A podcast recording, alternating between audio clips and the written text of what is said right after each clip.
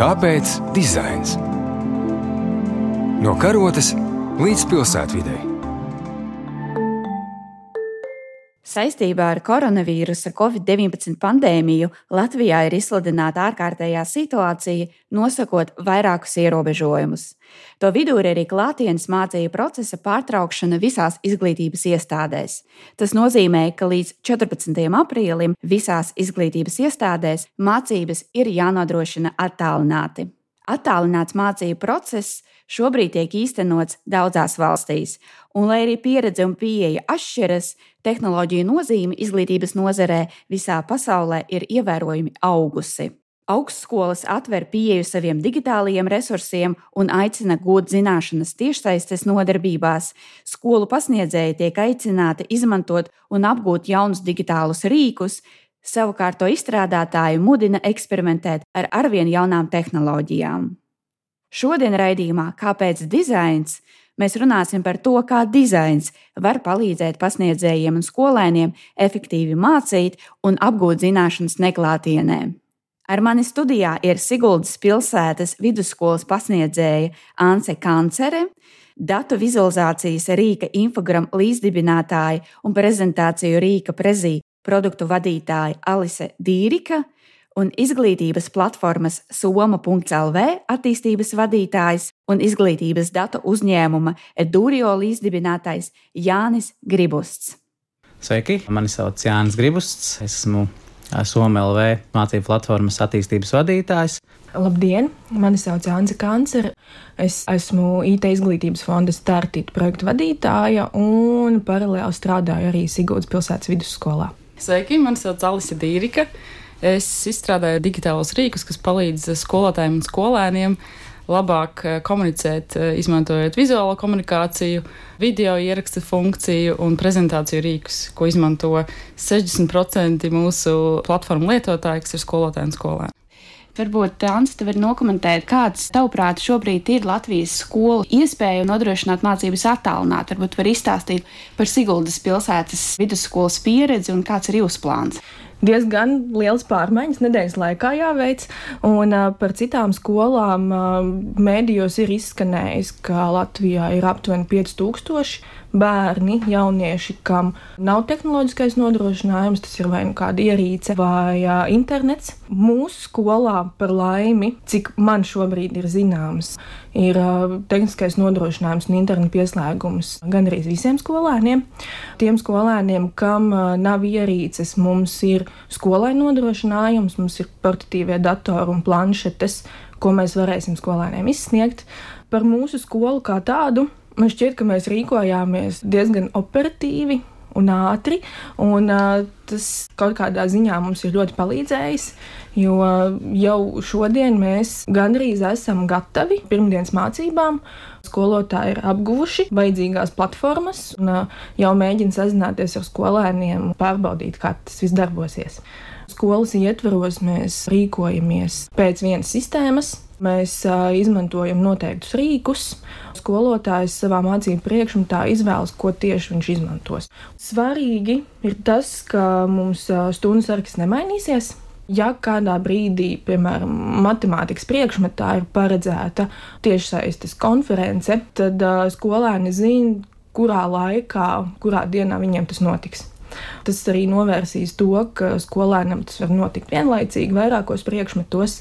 Plus mēs paredzēsim iespēju, ka šo konferenci var ierakstīt, kas nozīmē, ja ģimenē ir vairāk bērni, tad es varu noskatīties ierakstu. Varbūt var arī komentēt, kādas tieši rīks jūs plānojat izmantot. Jā, uh, mums būs trīs varianti. Pirmais variants ir e-klase, kuru mēs jau skolā ļoti aktīvi izmantojam.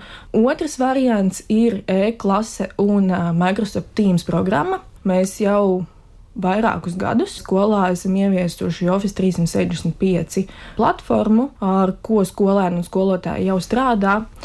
Tad tas otrais variants ir e-klase plus Microsoft Teams dokumentu apmaiņai klases ietvaros, kas ar lielu skolēnu skaitu varētu būt daudz ērtāk. Iekšā Microsoft Teams ir iespējams izveidot klases ar skolotājiem, un uh, visi dokumenti tad sakrīt konkrētajās klasēs. Tad es varu skatīties klases ietvaros. Trešais variants ir iepriekš minētie rīki plus uh, video konference tiem priekšmetiem, kam ir nepieciešama tāda klātienes sajūta, saziņa. Piemēram, mēs modelējām matemātiku, kur nedēļas laikā ir piemēram 5 stundas. Pirmajā stundā ir jauna tēma, skolotājs sazinās ar skolēniem, izskaidro jauno tēmu, viņš var rakstīt uz tāfeles piemērus, skolēni var uzdot jautājumus, tad skolotājs nākamajām trīs stundām dod patstāvīgo darbu, tad sakrājas jautājumu, un pēdējā stundā atkal ir video konference, kur skolotājs atbild uz jautājumiem. Nu, tie ir tādi trīs mūsu varianti. Es uh, ceru, ka tas viss strādās. To mēs redzēsim nākamnedēļ. Turēsim īsi. Paldies, Lēsāns. Jāni, saki, ko skolēniem un skolotājiem un arī vecākiem piedāvā izglītības platforma SOMLV, un vai jūs šobrīd plānojat kā īpaši pielāgoties šiem ārkārtas apstākļiem? SOMLV ir izglītības uzņēmuma lielvārds, radīts Rīgas. Un ja pirms trīs gadiem, kad mēs palaidām SOMLV lietotni, Tad tā bija kā resursu krātuve, kur bija mācību grāmatas, kas bija pieejamas bez maksas, darba lapas, skolotāja metodiskie materiāli, skolotāja grāmatas tā skaitā un arī video. Laikam ejot, mēs sapratām, ka līdz ar SOMLV platformas ienākšanu skolu vidē mums ir jārada arī digitāls saturs pats par sevi. Un līdz ar to radās vietgrāmatas, kas ir pieejamas skolēniem un skolotājiem, kā arī vecākiem kur tad jau viss saturs ir mūsdienīgs ar video, audio formātu iespējām un arī tiešsaistes uzdevumi, kur skolēns var pildīt viņus, iegūt uzreiz atgriezenisko saiti. Un šī gada sākumā mēs sākām arī pilotēt projektu Soma klasē. Ja iepriekš mēs runājām par skolēnu, kurš izmanto šo vietgrāmatu, tad Somā klasē parādījās iespēja, kā skolotājiem lietot to savā klases darbā. Skolotāji šīs vietējumas var palaist savā klasē, un visa informācija, kas notiek, ko skolēns dara, rādās skolotājiem attiecīgi viņa žurnālā. Tas ir tāds īsumā ieskats par SOMLV, kāda mēs varam palīdzēt šajā situācijā. Un, protams, pēdējās nedēļas laikā mēs aktīvi pielāgojam tieši priekš attālinātās mācības. Atbalsta čatā nāk ļoti daudz skolotāju jautājumu, ieteikumi, un mēs uzreiz ņemam vērā, liekam iekšā sistēmā tādā veidā piekopjam šo dizaina domāšanu jau reālajā dzīvē, kad uh, uzveidojam kaut ko, Skolotājs iedod mums atgādinājumu mm. saiti, mēs uzreiz pilnveidojam šo sistēmā vai platformā, kur mums nepieciešams, un jau ejam uz priekšu, skatāmies, kā vēl vairāk mēs varam palīdzēt skolotājiem tieši lietot mācību resursus, mācību materiālus, attālinātai mācīšanai. Alise, vai šī brīža situācija pasaulē ir ietekmējusi infogramu un prezīju lietotāju paradumus vai veidus, kā šie rīki šobrīd tiek izmantoti? Es gribētu kontekstā ar tikko nosauktiem rīkiem ieskicēt kurā pieredzes ķēdītē dzīvojam mēs, ir rīki, kas palīdz skolotājiem un skolēniem atrasties vienā vidē, piemēram, Microsoft Teams, kopā sarakstīties, sagrupēt sevi klasēs. Ir rīki, kas palīdz skolotājiem likt atzīmes, augšuplādēt saturu un citādi veidot procesu.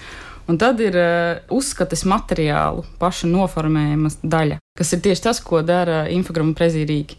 Skolotājs var izveidot prezentāciju. Viņš var izmantot klasiskos prezentācijas rīkus, Un, ja prezentācija rāda klasē, tad skolotājiem ir superspējas noturēt uzmanību ar balsi, iesaistīt interaktīvi skolēnus mācību procesā, un tas viss darbojas klātienē. Tad, kad tas notiek ar tehnoloģijām pastarpināti, tad skolotājiem daļa no šīm superspējām paliek kaut kur otrā ekrāna pusē. Tad uh, Rīgas, kas ir prezentācija Rīgas prezī, viņa īpašā superspēja ir noturēt skolēnu uzmanību. Jo viņš ir būvēts tieši tāpat, kā mūsu prāts uztver informāciju telpiski. Tad ir eh, video rīks, kur skolotājs var ierakstīt, piemēram, mācību saturu ievadu. Un atšķirībā no citiem video rīkiem, kur ir vai nu ekrāna skats, vai nu skolotāja skats, mūsu izstrādātais rīks palīdz būt skolotājiem un saturam vienā ekrānā. Tā kā norādīt ar pirkstu uz kaut kādu stāstu daļu, vai formulu, vai ciparu, to visu var darīt vienā rīkā. Un grafiku un uzskats materiālu rīks, kas ir infogramma, tur var veidot datu vizualizāciju, schēmas, formulas, uzzīmēt, atkal noturēt skolēnu uzmanību un izstāstīt sarežģītu, varbūt uz tāfeles skaidrojumu saturu ar digitāliem rīkiem vienkāršāk. Un tad šo uzskats materiālu jau var augšuplādēt visās platformās, kas tika pieminētas. Mēs esam tā vizuālā, vieglāk uztveramā satura nodrošinājums. Iepriekš, pirms mūsu kāra vīrusa, mūsu uzskats materiāls izmantoja skolotāji, kas bija savā amata entuziasti. Tā kā izvēles kārtā viņi piedomāja pie tā, cik uztverams ir viņu radītais saturs. Un šobrīd tā vairs nav izvēles iespēja skolotājiem. Ir jāizmanto savas superspējas gan ar digitāliem rīkiem pastarpināti, gan video ierakstā ar skolēniem. Tā kā tas rīku kopums, ko mēs esam izstrādājuši iepriekš, tagad vienkārši tiek izmantots plašākā un piespiedu kārtā. Es arī par infogrammu vēlos piebilst. Tas var būt ļoti labs rīks arī, kur skolēni var taisīt darbus. Pati strādājot arī ar sastāvs klases skolēniem, esmu veidojusi uzdevumu, kurā skolēniem ir jātaino informācija, izmantojot infogrammu. Viņiem tas sanāk ļoti vienkārši un dabiski. Ja vidē ir uztaisīts ļoti labs, saprotams dizains, tad uh, skolēns jau intuitīvi var to vidi saprast un uh, sākt viņā darboties. Varbūt jūs varat komentēt, kā tiek veidoti šie rīki un cik liela loma ir dizainam jūsu rīku izstrādēm. Protams, ka dizains ieņem ļoti nopietnu lomu. Teiksim, ja mēs runājam nevairs par dizainu kā skaistumu tikai, bet kā par funkcionālo dizainu, kā tad skolotājs un skolēns sapratīsies savā starpā un kā pēc iespējas ar dizainu palīdzību atvieglot procesus, izpratnes. Ja mēs iepriekš jau pirms plānojam kādu jaunu produktu vai kādu jaunu funkcionalitāti, ejam un runājamies ar, ar iesaistītām personām, tad šobrīd tas palicis vēl aktuālāk, jo skaidrs, ka pie tik liela lietotāja apjoma pieauguma, kāds ir pašlaik rīkam, ir ļoti daudz informācijas, kas ir jāapkopo. Un te arī mēs uzreiz redzam, kaut kur novirzamies no tā, kā mēs redzējām tās lietas un kā redz skolotājs. Un mēs uzreiz iterējam ar šo informāciju, liekam iekšā nākamo versiju, šis ir tas brīdis, ka visam jānotiek ļoti ātri, un līdz ar to jebkurš palīdzības tekstiņš vai pareiza darbība vai nelieka darbība, kas ir jāizdara, ļoti palīdz. Alis? Es varbūt varu ieskicēt divas lietas. Viens ir noformulēta misija, kā uzņēmums, par ko mēs cīnāmies, un tā ir uh, vizuāla komunikācija. Cilvēkam, kuram ir vēstījums, viņš to var izdarīt divos veidos. Vienā veidā, kur neviens neklausās, nesaprot un nekāda rīcība nesako. Otrs ir darīt to maksimāli skaidri, uztverami un rosināt uh, rīcību, ko vēstījuma autors ir ieplānojis, ko dara auditorija pēc tam, kad viņš šo ziņu izstāsta. Un otrs ir uh, pielāgoties modernai darba un mācību videi.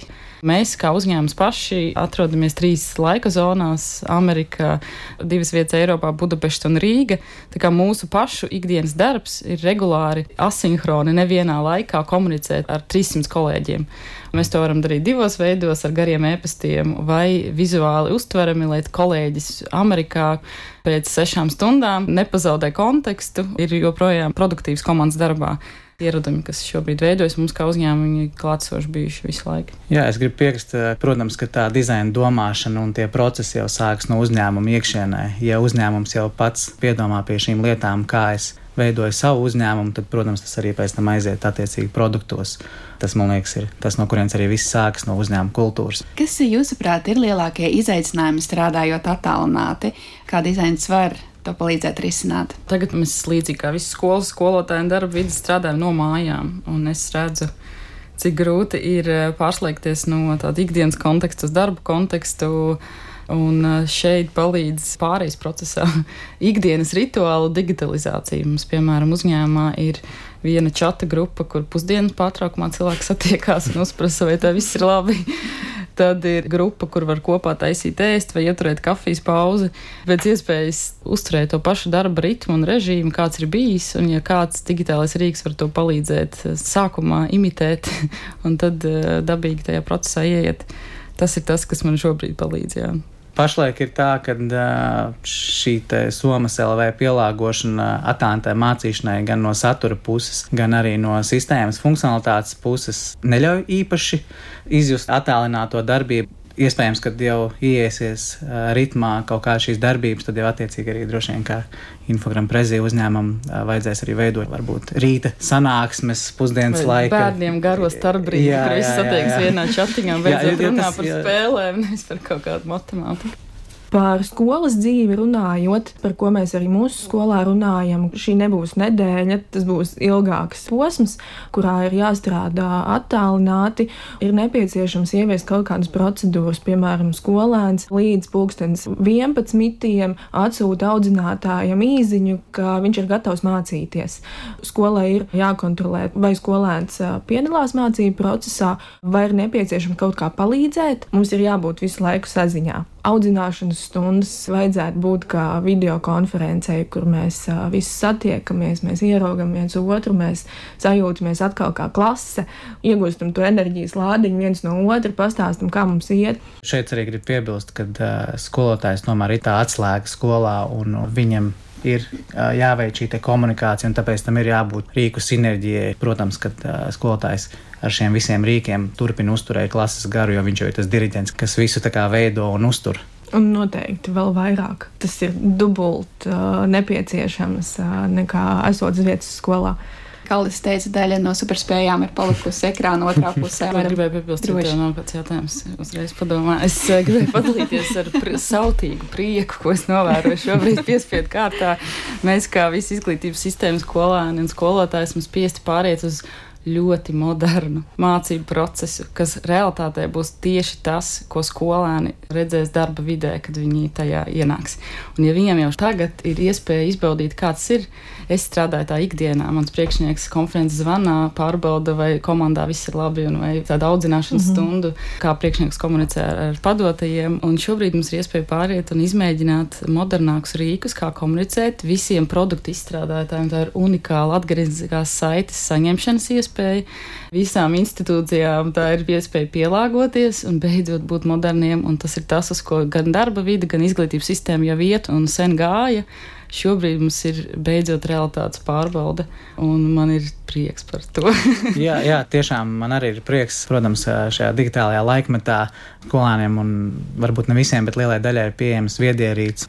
Protams, ka skolu vidē bija jāmainās, un šis sanāk tāds piespiedu, varbūt mazliet par ātru pātrināts process, bet katrā ziņā, protams, ka skolotāji un skolēni iepazīstās vairāk ar iespējām. Jūs, principā, atbildējāt uz manu nākošo jautājumu. Jūs gribējāt vaicāt, jā, nu, ko tad mēs varam mācīties, vai kā esošā situācija varētu ietekmēt veidu, kā mēs nākotnē mācīsimies vai komunicēsim. Paturpinot tās lietas par prieku, es strādāju arī ar vidusskolas klasēm, mācu programmēšanu man tiešām ir vēlme izmēģināt video konferences un attālināto darbu, jo daļa no tiem jauniešiem, kas mācās pie manis, visticamāk strādās starptautiskās kompānijās kādreiz. Kur šis te viņiem noderēs. Jā, man tiešām ir satraukums, patīkams par to, kā notiks un uh, ko skolēni teiks, kāda viņiem būs tā sajūta. Tā kā, es domāju, ka šeit uh, nevajag tikai baidīties un satraukties, bet vajag izmēģināt dažādas iespējas, un tas nekas, ka nesanāks ar pirmo stundu, uh, mēģināsim vēlreiz. Visam nav jāsanāk uzreiz tas ir tāds mierinājums skolotājiem, ka nevajag būt perfekti. Mēs jau paši arī neesam, ja kurš, kurš mācās jaunu rīku, kaut vai radot rīku, mēs jau turpinām visu laiku viņu attīstīt un radīt kaut ko jaunu, pielāgoties. Līdz ar to, protams, nekad jau īstenībā nesnāk ar pirmo reizi, un tas attīstības process jau ir tikai labs un, un vajadzīgs.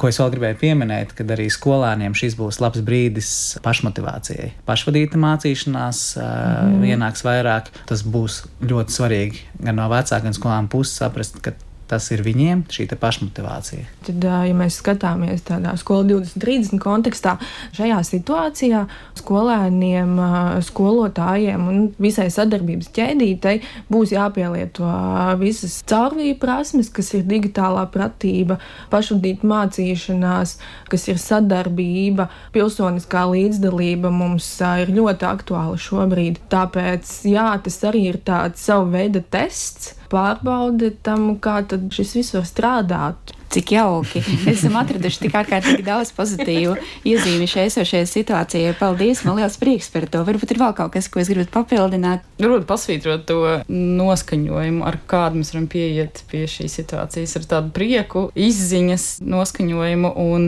neaizmirst par jautrību šajā visā emoji atzīmi vietā vai garie starpbrīži, kur var tāpat čatot vai zvana imitācijas, tā kā padarīt šo procesu jautrāku, izmantot rīkus, kas mums ir un neaizmirst par kaut kādiem ikdienas rituāliem, kas varbūt atgādināja skolu un klasi un audzināšanas stundu un izmanto to visu. Un, protams, protams, realitātes pārbauda par to, kuriem skolēniem vēl nav šīs iespējas, kas mums trūkst, lai visus ievirzītu šajā digitalizācijā, bet neaizmirstam par prieku.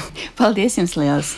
Paldies! Paldies! Mm -hmm. Raidījums, kāpēc dizains ir izskanējis, ar jums kopā biju es, Jelena Solovjova, raidījumu montēja Andra Černievska, un tas ir tapis ar Valsts kultūra kapitāla fonda atbalstu. Kāpēc dizains? No karotes līdz pilsētvidai. Pirmdien, 9.5. ar atkārtojumu sestdien, 18.18. 18.